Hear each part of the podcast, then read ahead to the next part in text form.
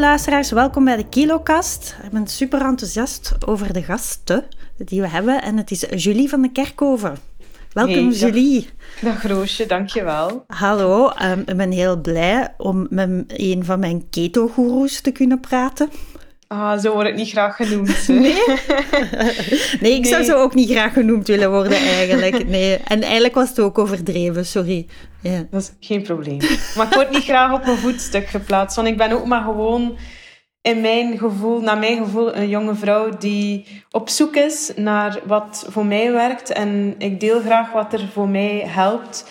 Eh, maar ik word niet zo graag een guru genoemd, want ik ga zeker nooit met het vingertje staan wijzen of eh, zeggen hoe iets moet, maar eerder inspireren. Ja, ja, guru is ook, heeft ook echt een zeer negatieve bijklank. Ik zou dat ook echt niet willen genoemd worden, een guru.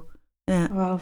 Ja, maar ehm, ja, want dat vind ik het treffende om er direct in te vliegen. Dus ik heb eigenlijk eerst de keto-kuur gedaan van Pascal Nases. Oké. En dan heb ik, v- wou ik wat verdieping. En het coole, zowel aan, bij Pascal haar boek als bij u, is dat ik inderdaad niet het guru-gevoel krijg eigenlijk. Ja. Ehm, en dat er heel sterk in wordt gerelativeerd. Ja, Dat het is er- ook allemaal zo relatief, hè. Ja. Zelfs, ja, zeg maar eerst. Hè. Waar dat ik eerst, want ik heb ah, heel veel diëten gedaan al sinds ik een kind ben. En eh, Weight Watchers en zo. En bijvoorbeeld bij Weight Watchers had ik zo toch iets meer het gevoel dat er zo wat gewezen werd. Eh, en dan kwam het meer in het van je moet genieten. Maar dat genieten is dan eigenlijk niet mijn definitie van genieten. Ja. Hè? Maar dus, en dan vond ik, ja, ik weet niet, ik vind het wel leuk dat er iets, er wordt zo iets vriendelijker omgegaan met de diëtende of zoekende mens. Ja, ja, ja.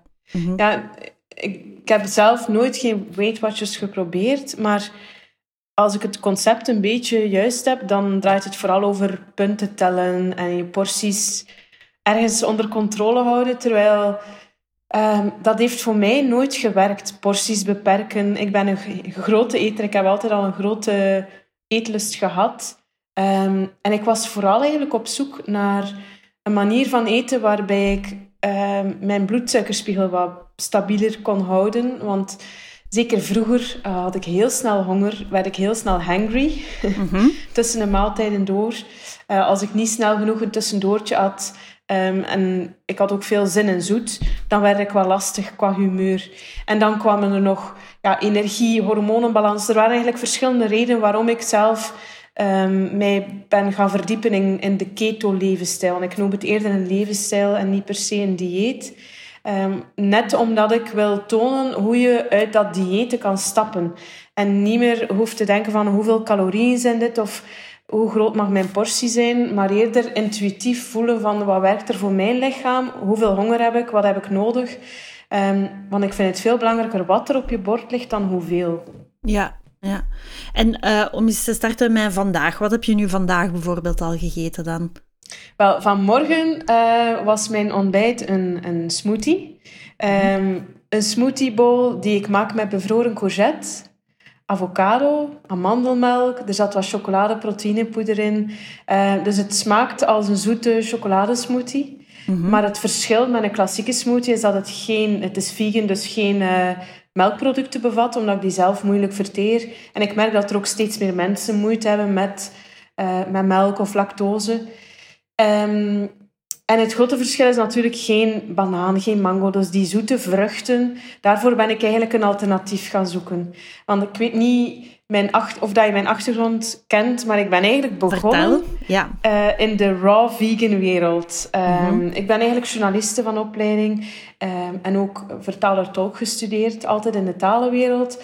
Maar door zelf tijdens mijn studentenjaren, ik denk dat dat nu een twaalf jaar geleden is, door eh, last te krijgen van vermoeidheid. En dan bleek dat het Epstein-Barr-virus was, dat is eh, meer gekend als het klierkoortsvirus. Ja. Maar waar dat, dat bij meer, de meeste mensen gewoon een tweetal weken vermoeidheid geeft, of misschien een maand, was dat bij mij blijven hangen, was dat zich gaan uh, ja, vermenigvuldigen en dat dat zich een beetje overal in mijn lichaam verspreidt, waardoor dat ik ook constant moe was.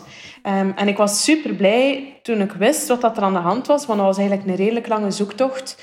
En zo ben ik bij raw food en de vegan keuken terechtgekomen.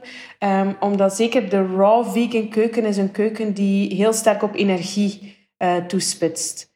Um, en zo ben ik eigenlijk na mijn, mijn studies vertaler-tolk uh, altijd gedacht dat ik daar iets mee ging doen. Maar ben ik dan toch naar Amerika getrokken voor een tijdje om um, een opleiding tot vegan chef te gaan volgen. Ah, cool. Ja, dus zo is het eigenlijk allemaal begonnen. En uh, waar was dat dan in Amerika?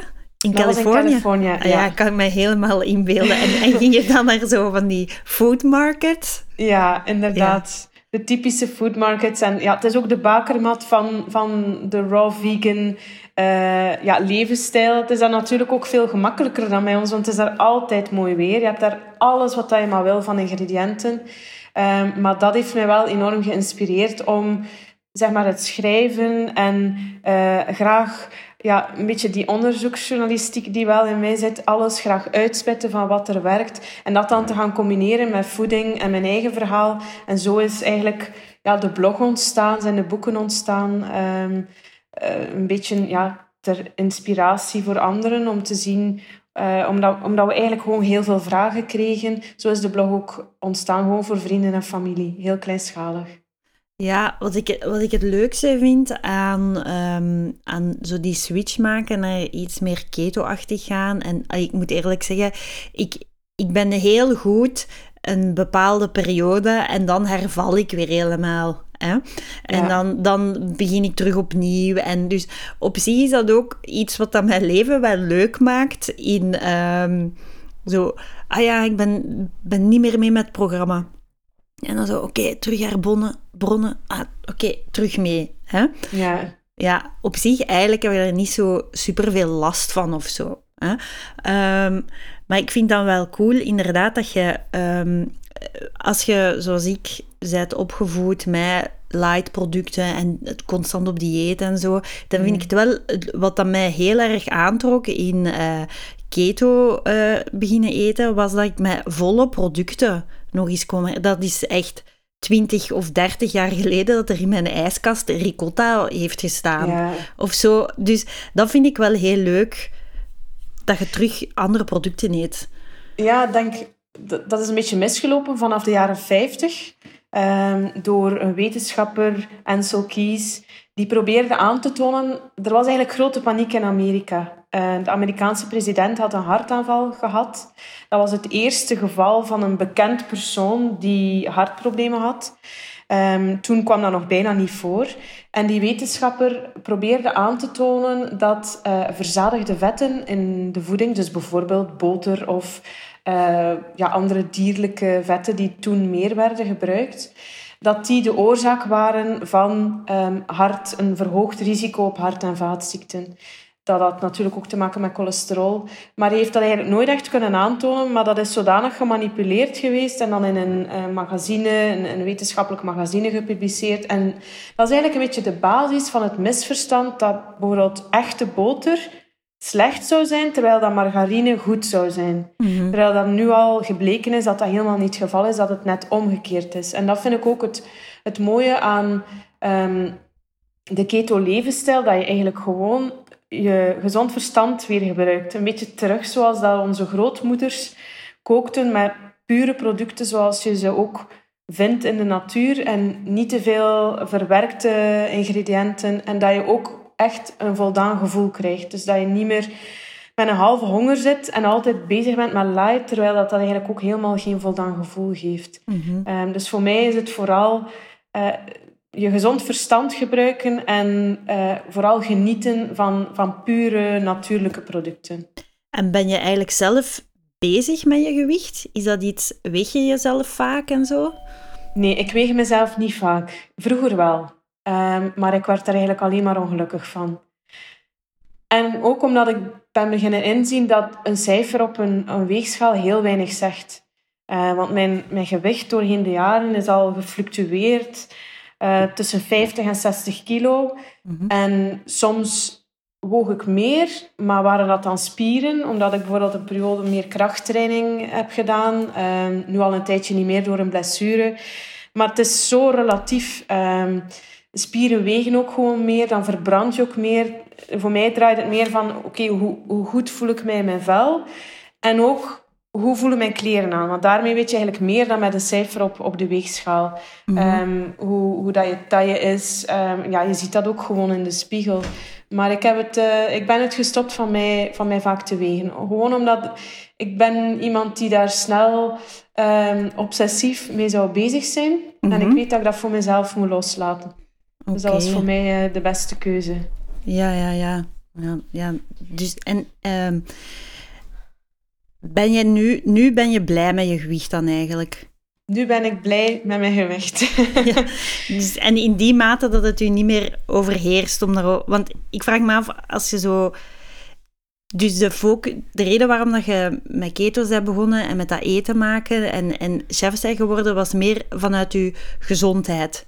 Ja. Niet vanuit een frustratie omwille van je gewicht. Nee, dat is eigenlijk gestart dus vanuit die vermoeidheid, die chronische vermoeidheid. Ehm, en dan heb ik heel lang volledig eh, vegan gegeten, maar toen kreeg ik er redelijk wat tekorten ook, die ik niet kon ophalen met supplementen. Ehm, ik ben er nog altijd van overtuigd dat voor veel mensen vegetarisch, vegan zeker kan, maar mijn lichaam had er moeite mee. Ehm, en dan ook hormonenbalans, die wat zoek was.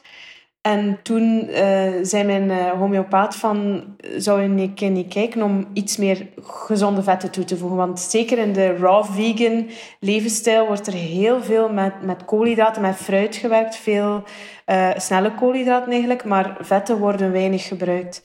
En dan ben ik eigenlijk van de ene, van het ene naar het andere spectrum op, eh, op vlak van voeding gegaan. eh, redelijk brusk. Eh, want dat, dat, ja, dat ligt wel in mijn karakter, een beetje zwart-wit. Ehm, dus dan ben ik meer beginnen experimenteren met die goede vetten. En dat gaf voor mij een zodanig groot verschil. Niet alleen naar energie, maar vooral naar een bepaalde rust dat dat bracht. Ehm, fysieke rust, omdat mijn bloedsuikerspiegel veel stabieler bleef. Dus ik had niet meer constant die zin in zoet. Eh, ik had niet meer constant die behoefte aan tussendoortjes. Maar ook, en dat had ik nooit verwacht, een soort mentale rust. Ja. Ehm, ja, ongetwijfeld ook door die bloedsuikerspiegel.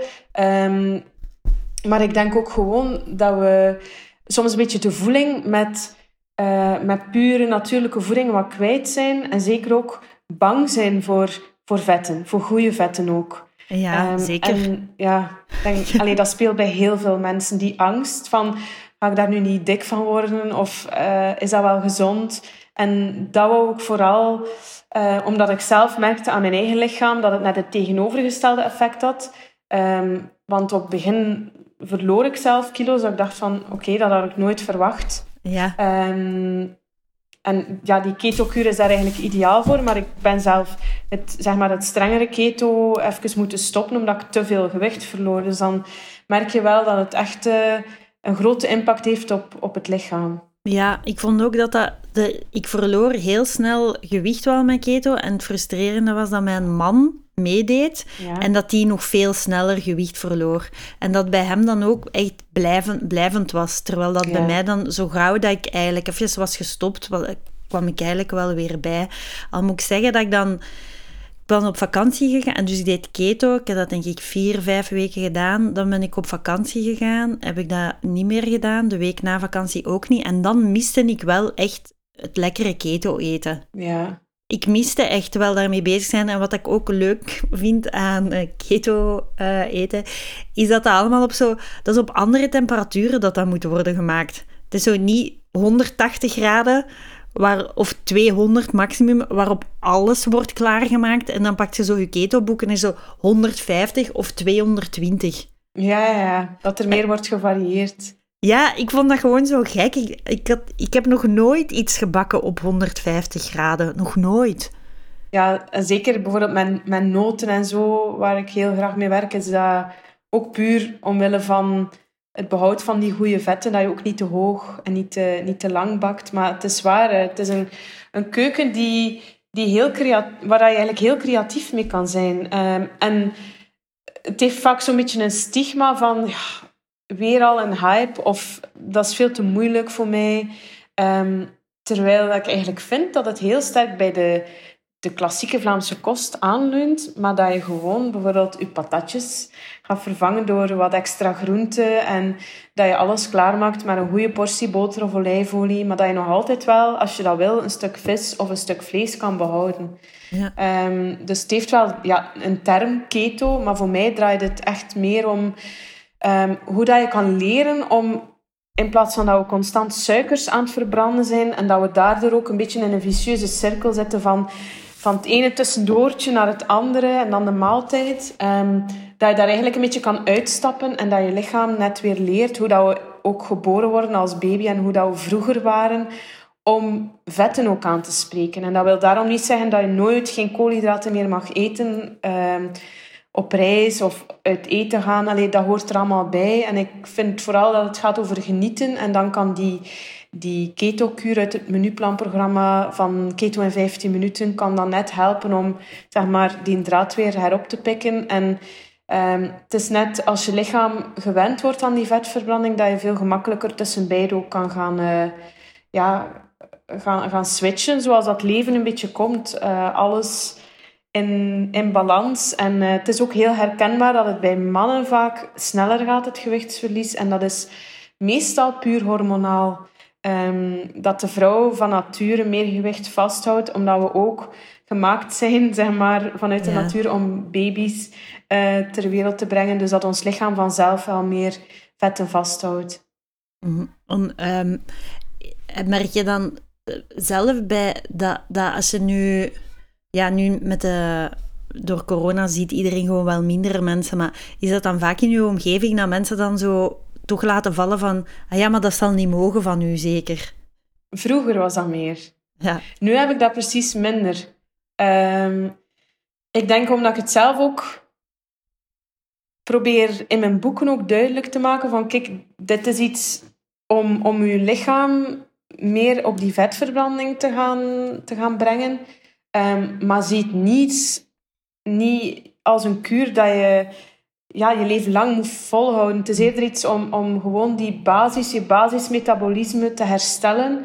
En daarna kan je daar heel flexibel mee zijn.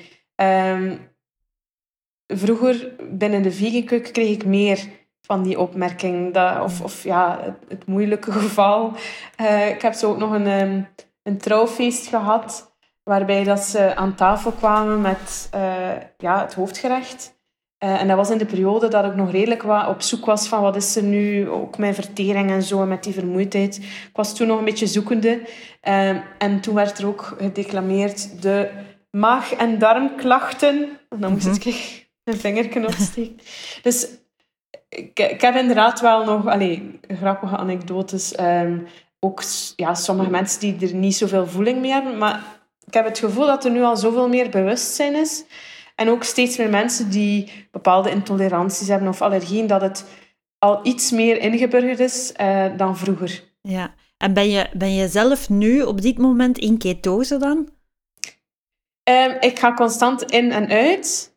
En als ik erin ben, is het mild. Dus ik volg geen strenge keto-kuur, omdat ik te veel gewicht verlies. Ja. Uh, dus ik moet er ook op letten uh, ja, dat ik ook voldoende trage koolhydraten. Bijvoorbeeld uh, knolgroente, rode biet, wortel, pastinaak, al die dingen ook toevoeg. En dat is ook wel vaak een tip die ik meegeef na zo'n keto-kuur, zoals in het boek, um, dat je die wel weer toevoegt, omdat het ook belangrijk is dat je die blijft verbranden. Dat je, dat je lichaam blijft koolhydraten verbranden, uh, zodat je, als je dan een keer uit eten gaat, dat je daar daarom niet zoveel van merkt. Dat dat allemaal gewoon natuurlijk vlot verloopt. En ook um, omdat je, als je te lang iets volledig schrapt, dan kan het zijn dat je darmflora ook veranderen. En dat je eigenlijk bepaalde darmbacteriën, goede darmbacteriën, gaat verarmen. En dat willen we natuurlijk ook niet. Dus vandaar dat ik echt keto zie als een manier om die vetverbranding te gaan activeren. En daarna een beetje je eigen weg daarin zoeken, afhankelijk van sport je veel? Ga je graag uit eten? Wil je tijdens het weekend een keer uh, een treat day? Ik noem het een treat day en niet een cheat day. Mhm. maar um, ja, alles in balans. Dat vind ik het belangrijkste. Ik had de eerste weken dat ik keto deed enorm veel hoofdpijn, omdat ik gewoon te weinig water dronk. Ja. Dus dat euvel heb ik dan na een tijd wel kunnen oplossen. Maar ik denk, misschien had dat met die hoofdpijn te maken, ik weet het niet, maar ik denk dat ik wel ergens achteraan in mijn hoofd voelde dat er iets werd aangepast. Ja, ik denk, ik denk inderdaad dat je dat sowieso, dat je, op je altijd op je buikgevoel mag vertrouwen. En je gaat dat, het effect is bij iedereen anders. Het hangt af van wat was je voeding voorheen. Um, ik heb van die, van die switch, zeg maar, niet zoveel last gehad. Maar ik had al geen, geen snelle suikers meer, geen brood meer. Die, allee, die moeilijkere periode was ik al door van zo lang terug. Um, ik heb toen ook wel wat last gehad van hoofdpijn, dat herinner ik mij nog. Maar vooral mijn humeur. Oh, ik had lastig met geen brood meer. Dat vond ah, ik veel moeilijker dan geen, geen suiker meer, bijvoorbeeld. Um, maar ja, het is een beetje een detox waar dat je lichaam doorgaat. Ja. Vooral granen, suiker en koffie kunnen dat doen. Maar het leuke aan de keto-keuken is wel dat koffie ook wel uh, wordt gebruikt. Dus dat kan je gewoon blijven drinken. Maar um, eens je die suikers vermindert en dat je lichaam uh, ja, overstapt naar meer die vetverbranding, dan is het inderdaad heel belangrijk dat je één voldoende beweegt. En dat kan gewoon een wandelingsje zijn per dag. Maar dat je ook zeker voldoende water drinkt. Mm -hmm. zodat je hersenen, alles gehydrateerd is. Uh, want het is vaak door te weinig water te drinken dat je hoofdpijn krijgt. Omdat die gifstoffen ook... Uh, want gifstoffen worden eigenlijk vaak opgeslaan in een vetcel. Um, vaak nog met water erin of er rond. En zodra dat je meer op die vetverbranding overstapt, zeker met een, met, met een uh, keto-kuur zoals in een keto in 15 minuten, als je dat menuplanprogramma volgt, dan ga je eerst ook redelijk wat watergewicht loslaten. En dat ga je al voelen in je kleren, dat die wat losser komen te zitten. Je ziet dat ook aan je gezicht, dat dat wat minder puffy, wat minder opgeblazen is. Um, maar dat wil zeggen, als je die, dat water loslaat dan, en, en begint vetten te verbranden, je lichaams eigen vetten zeg maar, dan komen er ook vaak gifstoffen vrij, omdat die daarin opgeslagen liggen. En daarom is het zo belangrijk om water te drinken, zodat die zo vlot mogelijk afgevoerd worden. Ja, ik vind het zo leuk om jezelf te zien als een chemisch element. En dat, dat vond ik, uh, het, dat, dat is wat mij ook zo'n beetje aantrok in keto, omdat je wordt, je wordt heel fel beïnvloed door de leuke verpakkingen die je ziet in de winkel. En die trekken mij heel erg aan. En eh, ook in het begin van de lockdown, oké, het was lockdown, iedereen was thuis. Je bent droevig, dus je troost jezelf met een croque monsieur. En ik was, de, uh, en de lunchen worden rianter, omdat er in de rest van de dag minder echt te doen is. Dus de, eten, de eetmomenten werden zo echt de hoogtepunten. Maar dat werden echt zo van die zeer calorierijke, uh, koolhydraatrijke feestmaaltijden half eigenlijk. Wat erop neerkwam dat ik na vier weken lockdown was ik gewoon vier kilo verdikt, als het al niet meer was. En dan ben ik keto gaan doen. En dan is eigenlijk wel interessant om weer eens te zien hoe dat je een speelbal zijt van je emoties en van, uw, eh, van, ja, van de marketing die je aanspreekt in dingen. En dan, ja, dan opeens van, inderdaad, van wat dat je nu zegt, van die vetcellen waar dat gif in zit. Ik had dat ook gelezen en dat, dat maakt zo maakt allemaal zo heel veel dingen heel duidelijk. En dat je dan weer denkt van, oké, ja, nu ga ik, nu ga ik weer even even herbronnen. En dan ook als ik las van, ah ja, dus eigenlijk, je moet zo'n beetje meer in ketose, dan leef je meer zoals de mensen van vroeger, die, en met de bessen. En ik vond dat zo, dat is wel heel goed om, daar nog niet, om je daar nog een keer echt bewust van te zijn. Mhm.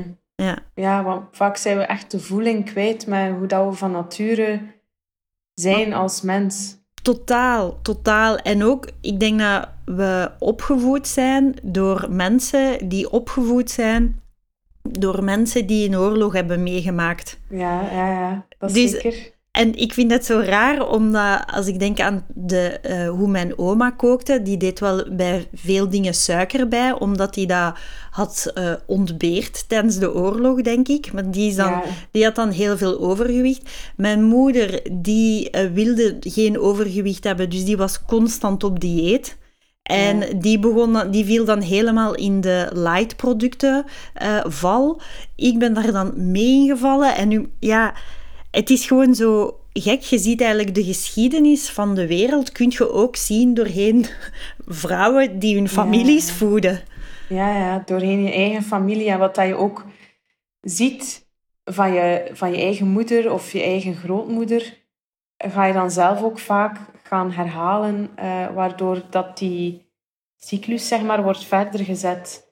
Ehm, maar ja, ik denk dat ook een beetje het probleem is dat we... Er zijn zodanig veel studies gedaan. Er is zodanig veel informatie. En het ene lijkt het andere tegen te spreken. Um, waardoor dat mensen ook gewoon de kluts kwijt zijn, denk ik. Zo niet goed weten van, ja, wat, wat doe ik nu eigenlijk om goed te doen? Terwijl als je puur teruggaat van, kijk, doorheen duizenden, tienduizenden jaren hebben we zo gegeten. En het is pas de laatste honderden jaren dat we zijn beginnen overstappen naar veel granen, veel uh, snelle suikers. Waarom? Omdat die goedkoop zijn. Um, en omdat die ook wel redelijk verslavend zijn. En bepaalde ja, voedingsfabrikanten vinden dat natuurlijk wel handig. Want dat brengt ook gewoon meer geld in het mm laadje. Um, maar als je nu gewoon teruggaat naar, naar vroeger, dan aten we vooral vis, eitjes, veel knollen, uh, groenten die we konden vinden, fruit, maar enkel tijdens het seizoen. Dus dat was meer tijdens de zomer. En die waren ook wild, dus die waren ook veel zuurder. Die bevatten minder van die geconcentreerde suikers. En dan af en toe werd er een keer wat wild, uh, wild vlees gegeten, maar ja, veel meer dan dat was dat eigenlijk niet. Mhm. Ehm, terwijl nu als je naar de supermarkt gaat, dan kom je vaak al in de kleurrijke wereld van de verpakkingen terecht. En um, ik denk dat dat heel aanlokkelijk kan zijn om te geloven ook wat dat er vaak op verpakkingen staat, wat ook niet altijd klopt, maar dat de, ja, de marketing, en zeker al in deze tijden waarbij dat je soms niet zo goed in je vel voelt, dat je sneller ook jezelf een keer beloont of troost. Uh, of gewoon uit verveling aan het eten bent. Dat had ik vroeger ook enorm. En dan is het wel ergens een beetje een switch dat je, dat je moet maken, denk ik, in, in je hoofd. Want een keer dat je weer teruggaat naar die puurdere, natuurlijke manier van eten, dan vind ik dat je zodanig goed voelt dat je gewoon niet meer terug wil. Ja. Um, ja, dat is inderdaad wel die switch dat je... Ja, want ik kan die switch, ik kan die heel goed maken en en als ik dan in zo'n zeer koolhydraatrijke weken zit, dan heb ik ook heimwee naar die andere periode. Maar toch blijft die val, allez, val, toch blijft dat gebeuren. Dus ik kan het, ik kan het niet blijvend volhouden. Maar denk je dat het zou kunnen zijn omdat je keto meer ziet als die, die kuur, zeg maar? Uh, waarbij dat je redelijk, ja, eigenlijk heel, heel koolhydraatarm gaat eten zonder een keer zoete aardappel, zonder die zoetere groenten.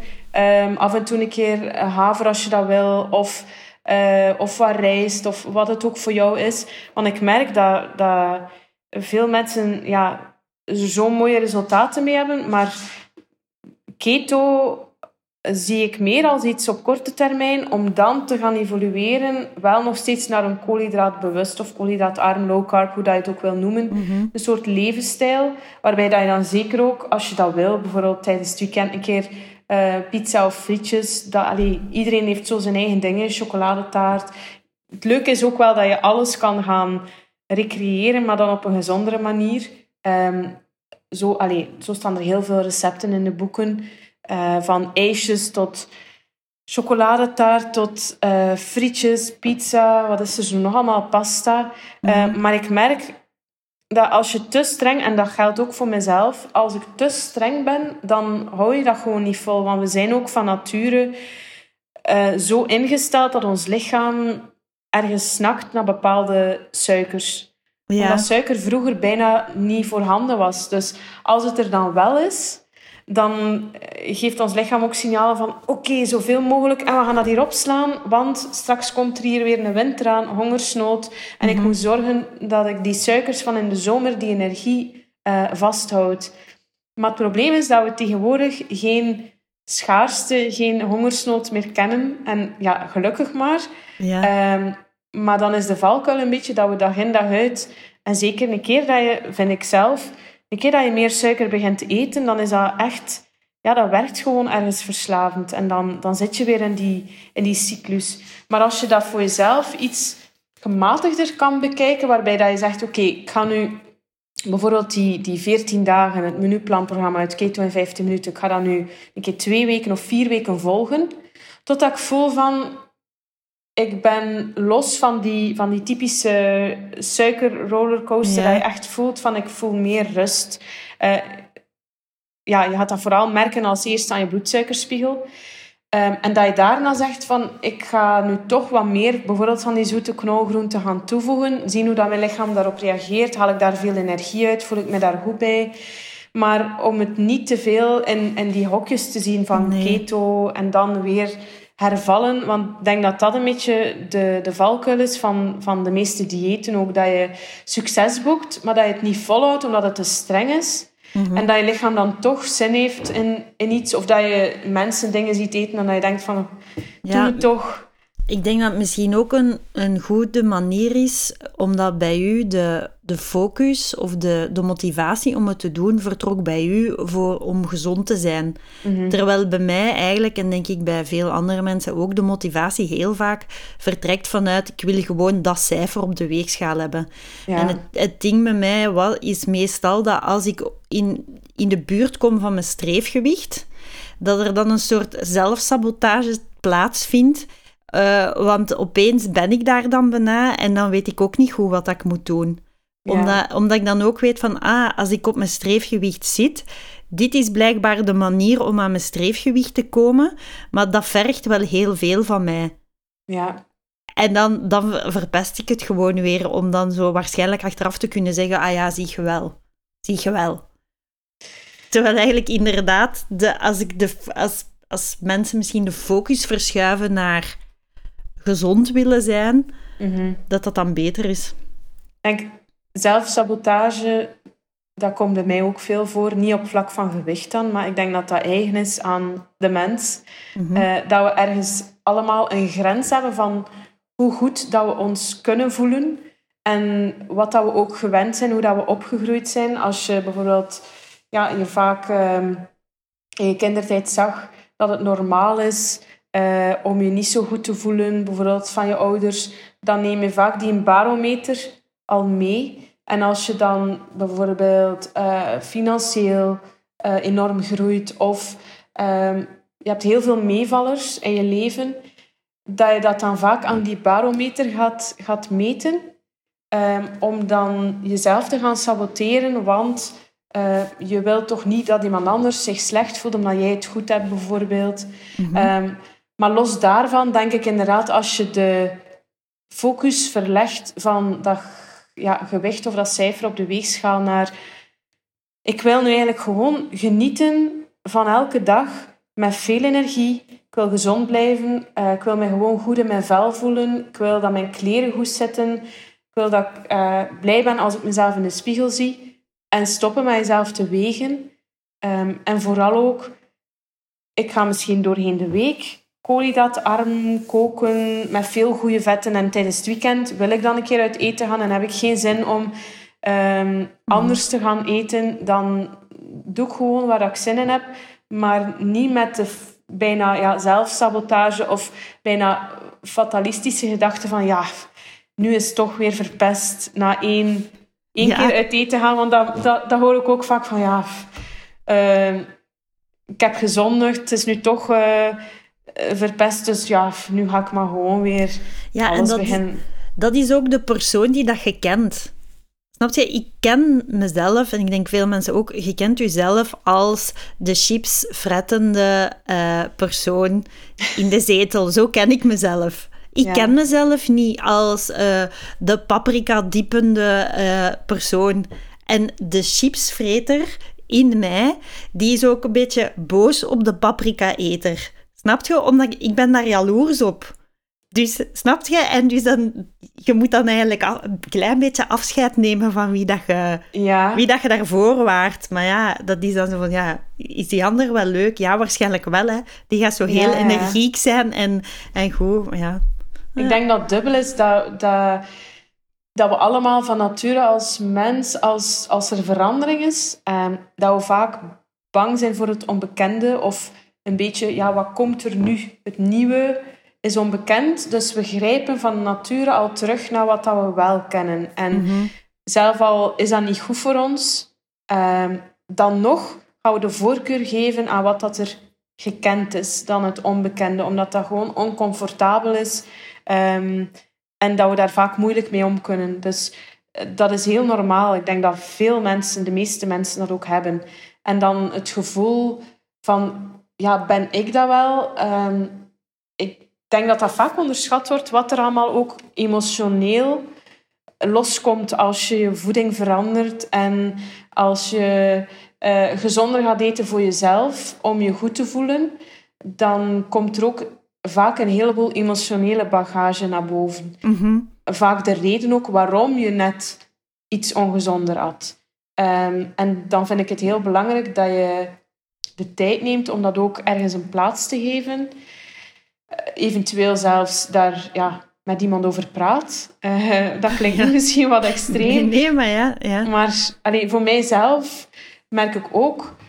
Uh, in mijn leven is dat ook met ups en downs. Um, er zijn nog dingen uit mijn kindertijd dat ik nu nog altijd zeg maar, een plaats probeer te geven en los te laten. En ik denk dat gewicht loslaten heel vaak synoniem is voor ook bepaalde emoties, verdriet, um, frustratie loslaten. Ja. En dat beide echt wel samenhangen. En dat een reden is waarom dat we vaak moeilijk gewicht verliezen, is dat we ook vasthouden aan ofwel een gekende versie van onszelf, dat we eigenlijk onszelf onbewust saboteren, mhm. maar ook bepaalde ja, emoties die we niet willen of kunnen loslaten, waardoor dat we ook gewoon vasthouden.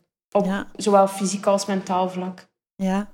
ja, het is echt gewicht en eten en je mentaal welzijn en hoe dat gevoelt, dat hangt allemaal zo hard samen. Hè? Ja, dat is waar. ja goed in je vel. Ja, ja. Amai, we gingen even heel diep, maar ik vond het wel heel goed. ik, heb hier zo, ik heb hier zo mijn vragenlijst met allemaal super eigenlijk nu heel oppervlakkige vragen, maar eh, ik ga ze dan toch gewoon eh, even stellen. Hè.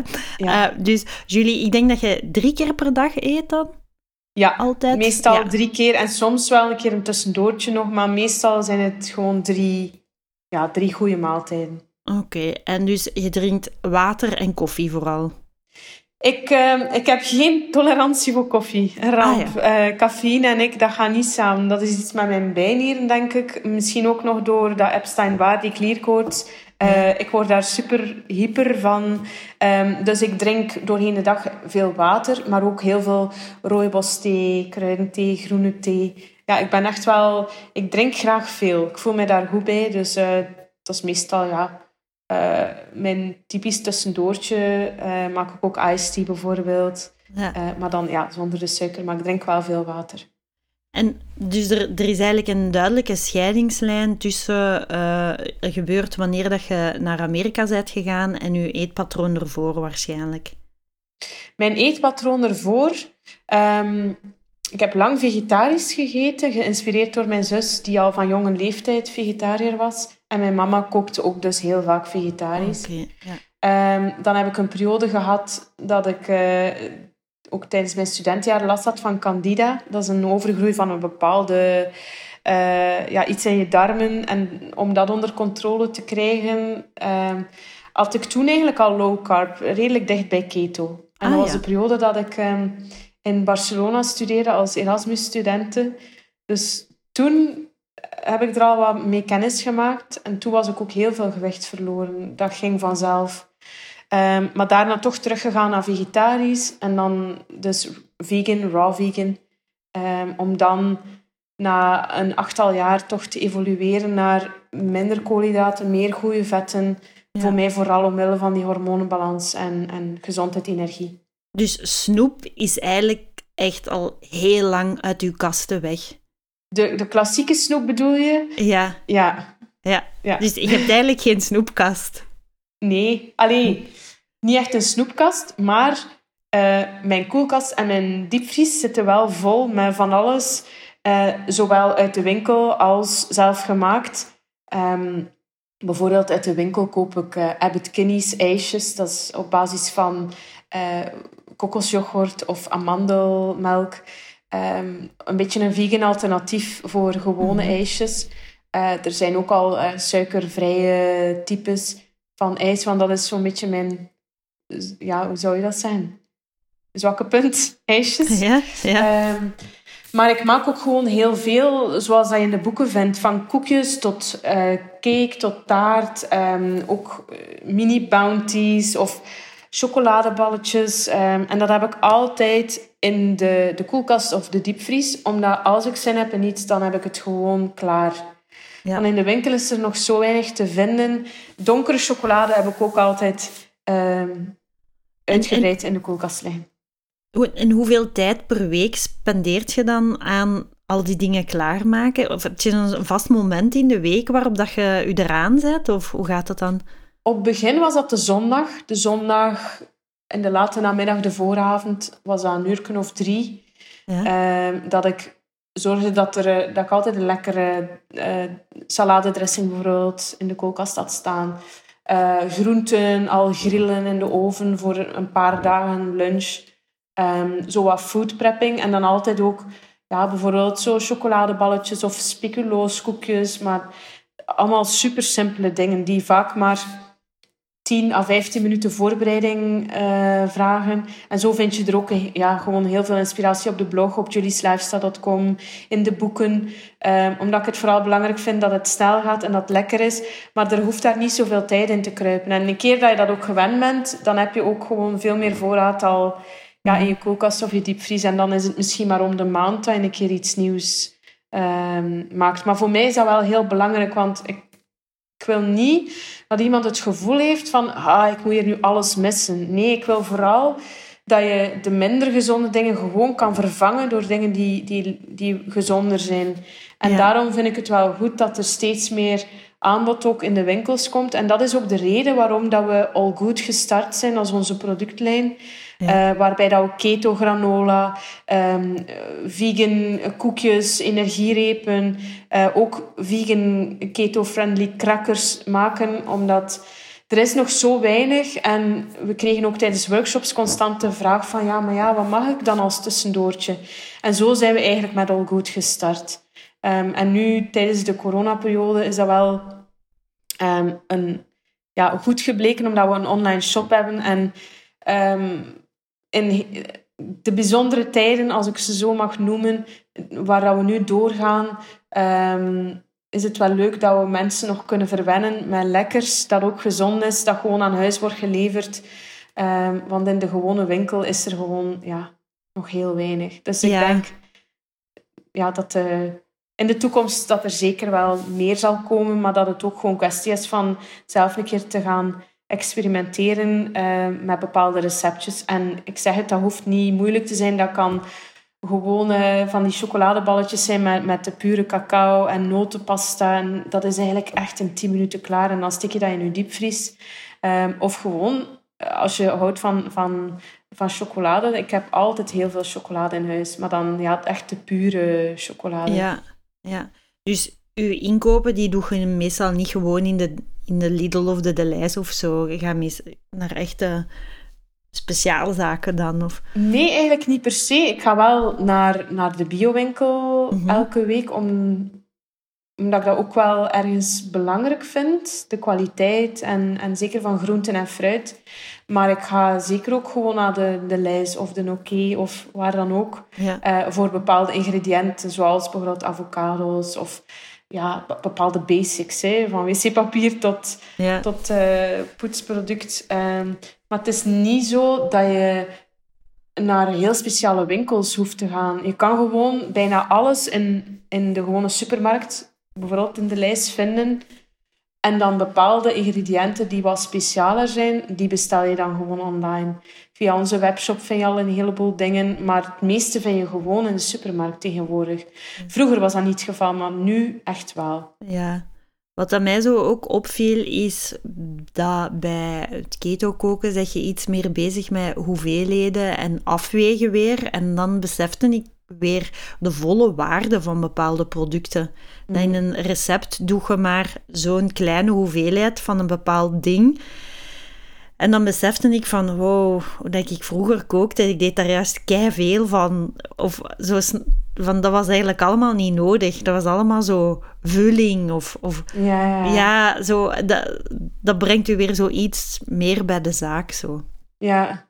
En denk dat dat ook iets is dat je pas kan ondervinden als je het zelf doet. Hetzelfde met bijvoorbeeld pasta. Mm er zijn zoveel alternatieven daarvoor. Zelf al zo simpel als noedels maken van courgette. En dat klinkt zo van, ja, weer groente. Ik ben geen konijn. Uh, denk ik dat veel mensen uh, dat er door hun hoofd gaat. Maar je kunt die saus zodanig rijkelijk maken, zoals bijvoorbeeld een goede bolognese saus of wat dat ook is dat je graag lust, dat je die gewone pasta vaak niet eens mist en dat je dan beseft van ja, eigenlijk is dat meer vulling in plaats van... Maar ja. dat heeft ook weinig smaak. Dus voor mij gaat het echt om heel smaakvolle maaltijden, waarbij dat je alles wat meer zo die lege calorieën zijn, waar dat je weinig aan hebt, maar waar dat je wel vaak, ja, ofwel in gewicht bij komt, ofwel zit je dan met die, weer die bloedsuikerspiegel die op en neer gaat, en dat wil je ook niet. Uh, of je voelt je zo wat opgeblazen na de maaltijd. En dat vind ik net het leuke aan keto, dat je dus blijft genieten van die volle smaken en dat je echt ja, heel rijkelijk kan koken, maar zonder die lege calorieën die erbij komen vaak. Ja, ja dat vind ik ook. Dat je zo merkt van, ah ja, ah ja goed bezig. Ik ben goed bezig. Ik heb geen, geen deeg vandaag. Yes! Ja, dat, dat is echt, hè. Ja, uh, ja. vind ik wel. Ja.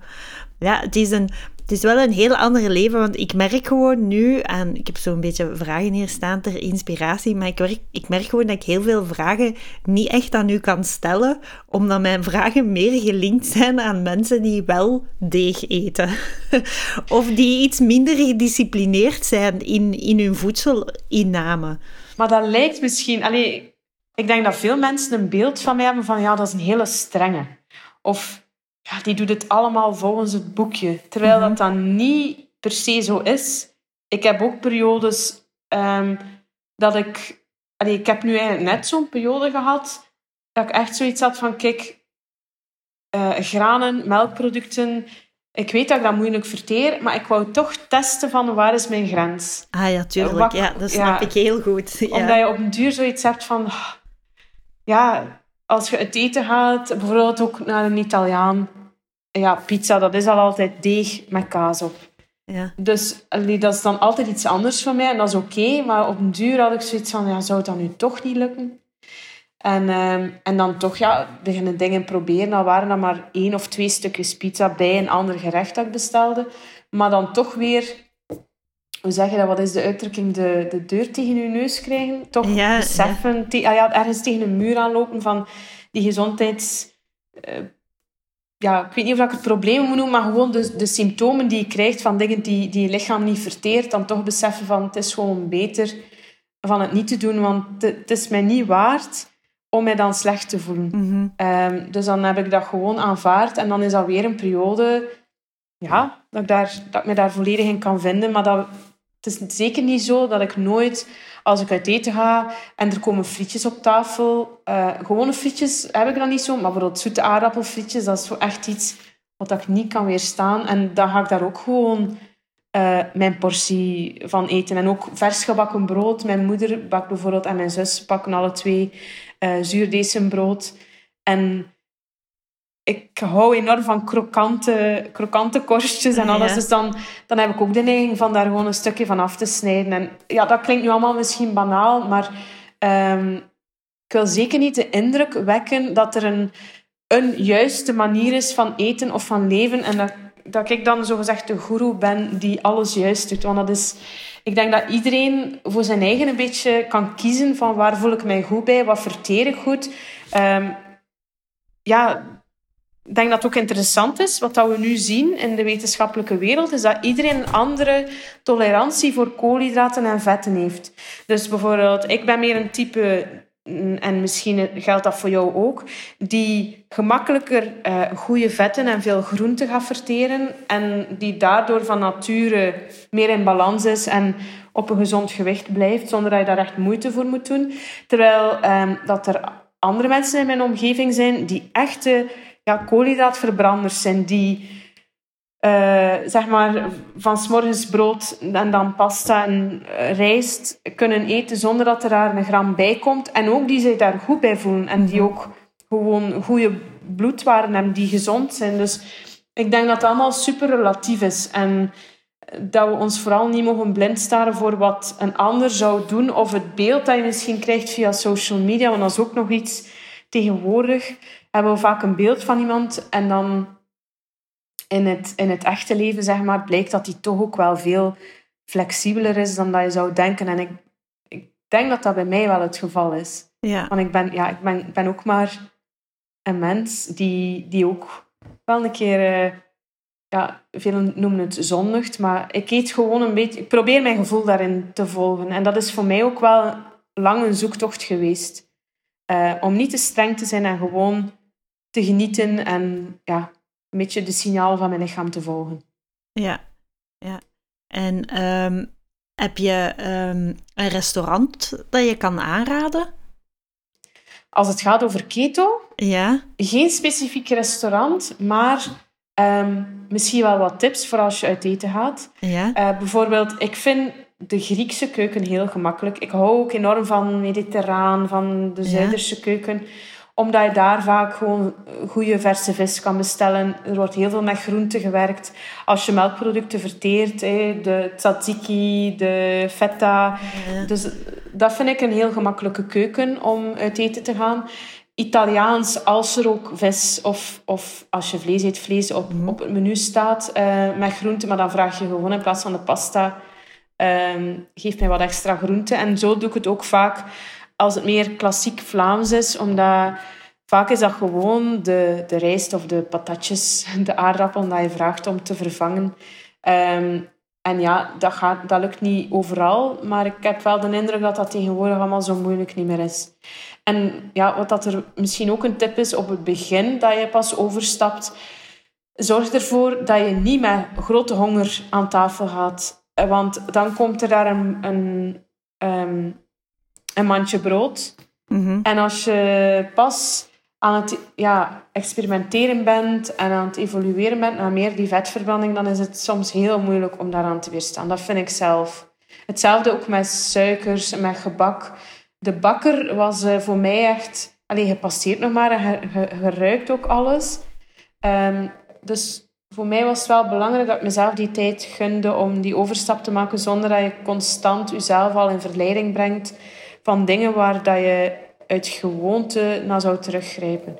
Maar dus om uit eten te gaan, um, hoeft het vaak niet zo moeilijk te zijn. Maar bestel je gewoon iets vegetarisch als je vegetariër bent, of vis of vlees, uh, groente daarbij. En dan vraag je gewoon, kan je brood of aardappelen of wat dan ook vervangen? Mm-hmm. Um, vraag daar goede olijfolie bij voor een salade of Allee, ik denk dat er echt wel veel, heel veel mogelijkheden zijn en dat het niet zo moeilijk hoeft te zijn. Het is gewoon een kwestie van die granen te vervangen door extra groenten en te zorgen dat je dan wel ook zelf voldoende boter of olijfolie of wat dan ook toevoegt, zodat je echt voldaan bent. En wat is, welk gerecht is voor u echt thuiskomen? Thuiskomen als zin... Zo, ja, welk is het... Bij mijn ja, mama, wat het uw mama maakte en met welk gerecht, als je zo een beetje down voelt en je gaat naar uw mama, wat moet die dan maken voor u? Ah, mijn mama, uh, mijn favoriete gerecht is vegan lasagne. En zij gebruikt dan ofwel courgette, ofwel gebruikt ze uh, ja, glutenvrije rijstpasta. Ja. Dus dat is dan niet keto. Mhm. Um, maar ja, het is, ze, ik heb nog nooit een betere lasagne geproefd. Ze maakt uh, vegan bechamel op basis van Eh, dat is dan havermelk met wat rijstbloem en olijfolie. Ehm, heel veel groenten. Ja, dat is echt een smaakbom. Dat is zo voor mij echt een comfortfood gerecht. En dan eet ik bijvoorbeeld wel die rijstpasta en ik voel me daar dan ook super goed bij. Mhm. Eh, en ik merk ook, en dat is ook wetenschappelijk aangetoond, dat als je die variatie erin brengt en dat je af en toe wat meer van die koolhydraten toevoegt, maar dan niet die snelle suikers, maar meer die trage koolhydraten, dat je lichaam er echt baat bij heeft, omdat je dan ook zeg maar, je metabolisme en je verbranding net dat extra duwtje in de rug geeft. Dus dat het zeker niet slecht is om af en toe een keer ehm, ja, frietjes of, of een boterham of wat dan ook dat voor jou is, eh, om dat af en toe te eten, omdat je dan ook gewoon je metabolisme op gang houdt. Dus het is niet de bedoeling dat je altijd zo streng bent. Maar bijvoorbeeld die lasagne is voor mij echt thuiskomen. En wat eet je dan als je zo... Soms, ik weet niet of dat je dat nog hebt, maar zo, soms heb ik zo de drang om, als ik voor tv zit, om zo te fretten. Zo, en iets dat, dat ik een, een kom heb met een grote hoeveelheid in, die ik helemaal kan opeten. Maar dat bestaat zeker niet in het gezond, hè? Dat Dus bestaat wel. Ja, Als en je wat, dat wat wil. is dat dan? Eh, bijvoorbeeld, vroeger maakte ik vaak zelf groentechips. Ehm allee, er zijn wel verschillende dingen, maar ik denk gewoon het principe van voor de tv zitten en zin hebben om een grote kom chips of wat het ook is, of een, of een pak koekjes. Of, Dat is een ander probleem, hè? Dan heb je Ja, eigenlijk een ander eigenlijk- probleem. dat heeft eigenlijk niets te maken met die chips of die koekjes, maar eerder van hoe komt het dat je de drang hebt om een grote hoeveelheid comfortfood op, ja, te eten. Mhm. Ehm, en ik denk dat dat zowel fysiek als mentaal een factor heeft. Fysiek van, ja, misschien was je maaltijd niet, gaf het niet voldoende voldoening. En dat, dat gebeurt vaak als je bijvoorbeeld s'avonds boterham eet als maaltijd, om, bijvoorbeeld om 6 uur 30. Mhm. En dan zit je voor de tv en krijg je om 9 uur echt weer ja, dat hongerken. En vaak dan naar iets dat redelijk vetrijk is, zoals bijvoorbeeld chips. Mhm. Maar wat speelt er dan? Enerzijds dat je, ja, die boterhammen zijn al lang verteerd. Je hebt weer een, een, een, een val in je bloedsuikerspiegel. Dus je krijgt dan ook cravings. Want je lichaam vraagt ook naar calorierijk voedsel. En dan vaak is dat iets vetrijk. Ehm, dus dat is heel normaal dan dat je graag met een volledige kom chips voor de tv eh, zou willen zitten. Maar ik denk dat het ook een beetje te maken heeft met ehm, jezelf belonen. En dat, we, dat het soms belangrijk is dat je ergens eh, leert om jezelf te belonen met andere dingen en niet alleen met voeding. Mhm. Mhm. Ehm, En waarmee beloon jij jezelf dan? dat gaat nu misschien raar klinken, maar bijvoorbeeld, eh, ik ga elke dag twee keer wandelen met mijn hondje. Ja. En voor mij is dat heel belangrijk om mij goed in mijn vel te voelen, ook mentaal, om rust te vinden. Want ik merk hoe meer stress dat ik ook heb, hoe sneller dat ik ook naar iets ga grijpen dat misschien minder gezond is. Of, of gewoon, zelf al is het gezond, maar te veel, ja, te veel chocolade is ook niet goed. Mhm. Ehm, dus voor mij gaat het meer van eerst de prioriteit van beweging, natuur, lucht. Eh, ook, ja, nu is dat niet altijd evident, maar vrienden zien en, en je gewoon amuseren. Want als je, denk ik, voldoende plezier hebt in het leven en ook afleiding, want vaak eten we ook uit verveling Ja. of uit een bepaalde frustratie, dat helpt mij wel. Ehm, maar wat mij vooral helpt, is zorgen dat ik alles uit mijn maaltijden haal dat mijn lichaam nodig heeft. En soms wil dat zeggen dat ik eh, een zoete aardappel eet. En dat, dat betekent dan ook dat ik totaal geen cravings meer heb later op de avond. Terwijl als je heel streng bent en je zegt altijd nee tegen alles voor te lang, dan hou je dat inderdaad niet vol. En dan is het, ja, de kans veel groter dat je dan zegt van ah, ik heb zo zin in iets, ik moet dat hier hebben. En dan begin je met een koekje en dan is het, voordat je het weet, misschien het tweede en het derde. En dat is ook wat de valkuil van het, ja, de, die- de dieetmentaliteit van te streng zijn en dan toch jezelf iets toestaan. Maar die dingen zijn dan ook zodanig gemaakt dat de ideale chemische cocktail van suiker, vet, zout ehm, ergens een signaal geeft naar je hersenen van woehoe, party. Ah, ja, ja. Waardoor je niet meer... Want jij zegt nu zo tweede, derde, vierde, maar bij Ja. mij is dat dertiende, veertiende, vijftiende. Hè? Dat Ja. is... Ja, ja, Maar ik, ja, ik denk dat het gewoon heel belangrijk is van jezelf te kennen en ook op dat vlak niet kwaad te zijn op jezelf. Want we zijn gewoon allemaal anders en ehm, sommigen zijn veel gevoeliger aan wat dat voeding doet, ook mentaal. Ik ben ook een ge- heel gevoelig persoon op dat vlak. Terwijl de anderen... Allee, je hebt mensen die leven om te eten en je hebt mensen die eten om te leven. Ik ben iemand die leeft om te eten. Ik ben heel vaak met voeding bezig. Ik geniet daar enorm van. Ik kan echt uitkijken naar, naar een maaltijd en daar, ja, daar gewoon ook in mijn hoofd al mee bezig zijn. Ah, wat gaan we straks klaarmaken? Of, terwijl anderen hebben gewoon zoiets van, ja, ik neem wel iets of ik eet wel iets. En ik denk dat het belangrijk is om, om jezelf te kennen en om daar dan op in te spelen. In plaats van te streng te zijn en eigenlijk jezelf vaak af te breken in je hoofd en, en negatief te zijn naar jezelf toe, waardoor dat je misschien nog meer de neiging hebt van ehm, te veel naar het ene spectrum te gaan. Mhm. Eh, als je begrijpt wat ik bedoel. ja, ja. Eh, dus gewoon om ergens ja, voor jezelf eh, ook dingen toe te staan, zonder dat je dan het gevoel hebt van ja, ik heb mezelf teleurgesteld, het is nu toch verloren, dus ja, doe ik nu maar. En, en om dan weer in een soort vicieuze cirkel terecht te komen waarbij dat je het gevoel hebt dat je er niet uit geraakt, terwijl dat, dat het gewoon echt kwestie wordt van voor jezelf die balans te vinden. En dat is niet altijd eenvoudig. Het is eenvoudiger gezegd dan gedaan. En het is ook voor iedereen anders. Dus ja, ik denk dat het gewoon voor iedereen de kwestie is van te leren voelen wat dat je lichaam vraagt, wat, waar dat je lichaam goed mee is. Als je merkt van oei, ik kom hier in gewicht bij als ik dat eet en ik voel me daar eigenlijk echt niet goed bij, dat je dan toch terug gaat naar hoe dat je voorheen had. Maar wel in die mate dat je jezelf niet gaat straffen of Ehm, dat je constant kritiek in je hoofd hebt op jezelf, maar dat je vooral denkt van ik wil mij gewoon goed voelen, ik wil genieten op een zo gezond mogelijke manier. Eh, ben ik een keer aan het zondigen of hoe dat je het ook wil noemen, dan, ehm, dan is dat geen probleem. Dan geniet ik daar gewoon van in plaats van dan meteen dat negatieve aspect erbij te betrekken. Mhm. En, en ook vooral jezelf niet te veel te vergelijken met anderen. Want dat is, vind ik zelf ook wel ehm, vaak een valkuil. Dat je denkt, ja, maar ja, die eet dat en die ziet er zo uit. Of dat je gewoon echt leert van jezelf aan te voelen. En ook niet de verantwoordelijkheid in iemand anders zijn schoenen. eh, want allee, dat merk ik ook vaak.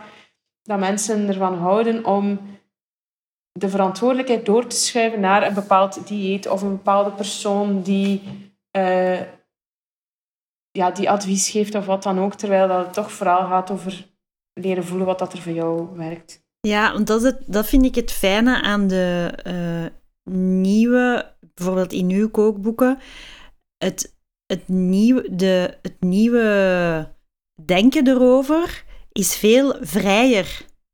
Het nieuwe denken over voeding is veel vrijer dan, dan wat ik tien jaar geleden meekreeg. Tien Ja. jaar geleden werd er gewoon, en dat is ook volledig vanuit marketing, werd er gewoon gezegd, dit is het nieuwe plan. Als je dit doet en je houdt je daar goed aan, dan gaat het helemaal goed zijn. Ja, Dus het is heel bevrijdend om nu kookboeken te hebben waarin dat ervoor al die dingen uitgelegd staan. En ja, dat, dat er zo wat vrijheid wordt gegeven. Dat is heel, Ja, heel aangenaam. Ja. dat vind ik ook heel belangrijk, die vrijheid. Zodat je zelf kan kiezen hoe dat je het wil aanpakken en dat je vooral, vooral weet hoe dat je lichaam werkt. Hoe dat ons lichaam werkt. Ehm, om daar dan zelf een beetje mee te gaan experimenteren, wat voor jou goed voelt. En zeker niet te gaan zeggen van, kijk, dit is nu het ultieme dieet, eh, het ultieme plan, daar ga je de rest van je leven goed mee zijn. Dat werkt voor iedereen, want ik denk dat dat een beetje ja, de, de jaren 90 en de jaren 2000 waren. Zeker, Van ja. het ene dieet naar het andere. En dan was het weer dat nieuwe. Ehm, terwijl ik denk dat nu steeds meer mensen bewust worden van... Ga gewoon terug naar die pure natuurlijke voeding. En genieten van gezonde voeding. Je goed voelen. Maar af en toe ook een keer een moment dat je wat minder gezond eet als je dat wil. Of als je om welke reden dan ook, door een moeilijke periode in je leven gaat en dat dat misschien dan nodig is. Ehm, maar dat je gewoon die vrijheid terugvindt van...